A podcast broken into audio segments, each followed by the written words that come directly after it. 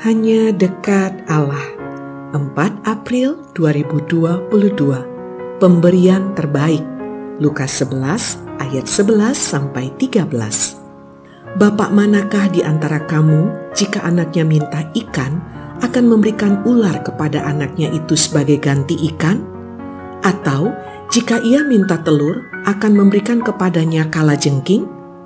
Jadi, jika kamu yang jahat tahu memberi pemberian yang baik kepada anak-anakmu, apalagi Bapamu yang di surga, ia akan memberikan roh kudus kepada mereka yang meminta kepadanya.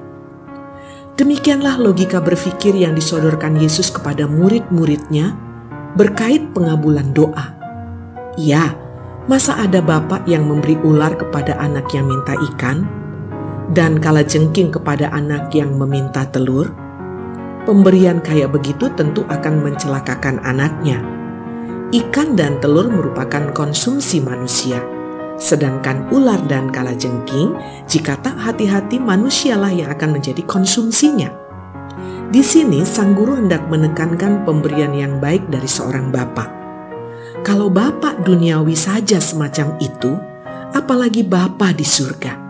Menarik disimak. Yesus orang Nazaret mengumpamakan para murid sebagai bapak. Dan dia yakin para murid tak akan ada keinginan untuk menjahati anak mereka. Tak hanya sampai di situ, Lukas dengan amat gamblang menyatakan bahwa pemberian yang terbaik dari Bapa Surgawi itu ternyata lebih dari kebutuhan primer manusia, yaitu makanan.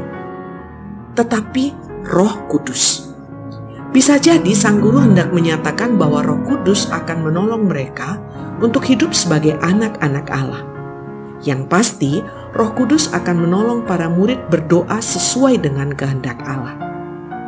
Dan itulah dasar utama pengabulan doa. Salam semangat dari kami, literatur perkantas nasional. Sahabat Anda bertumbuh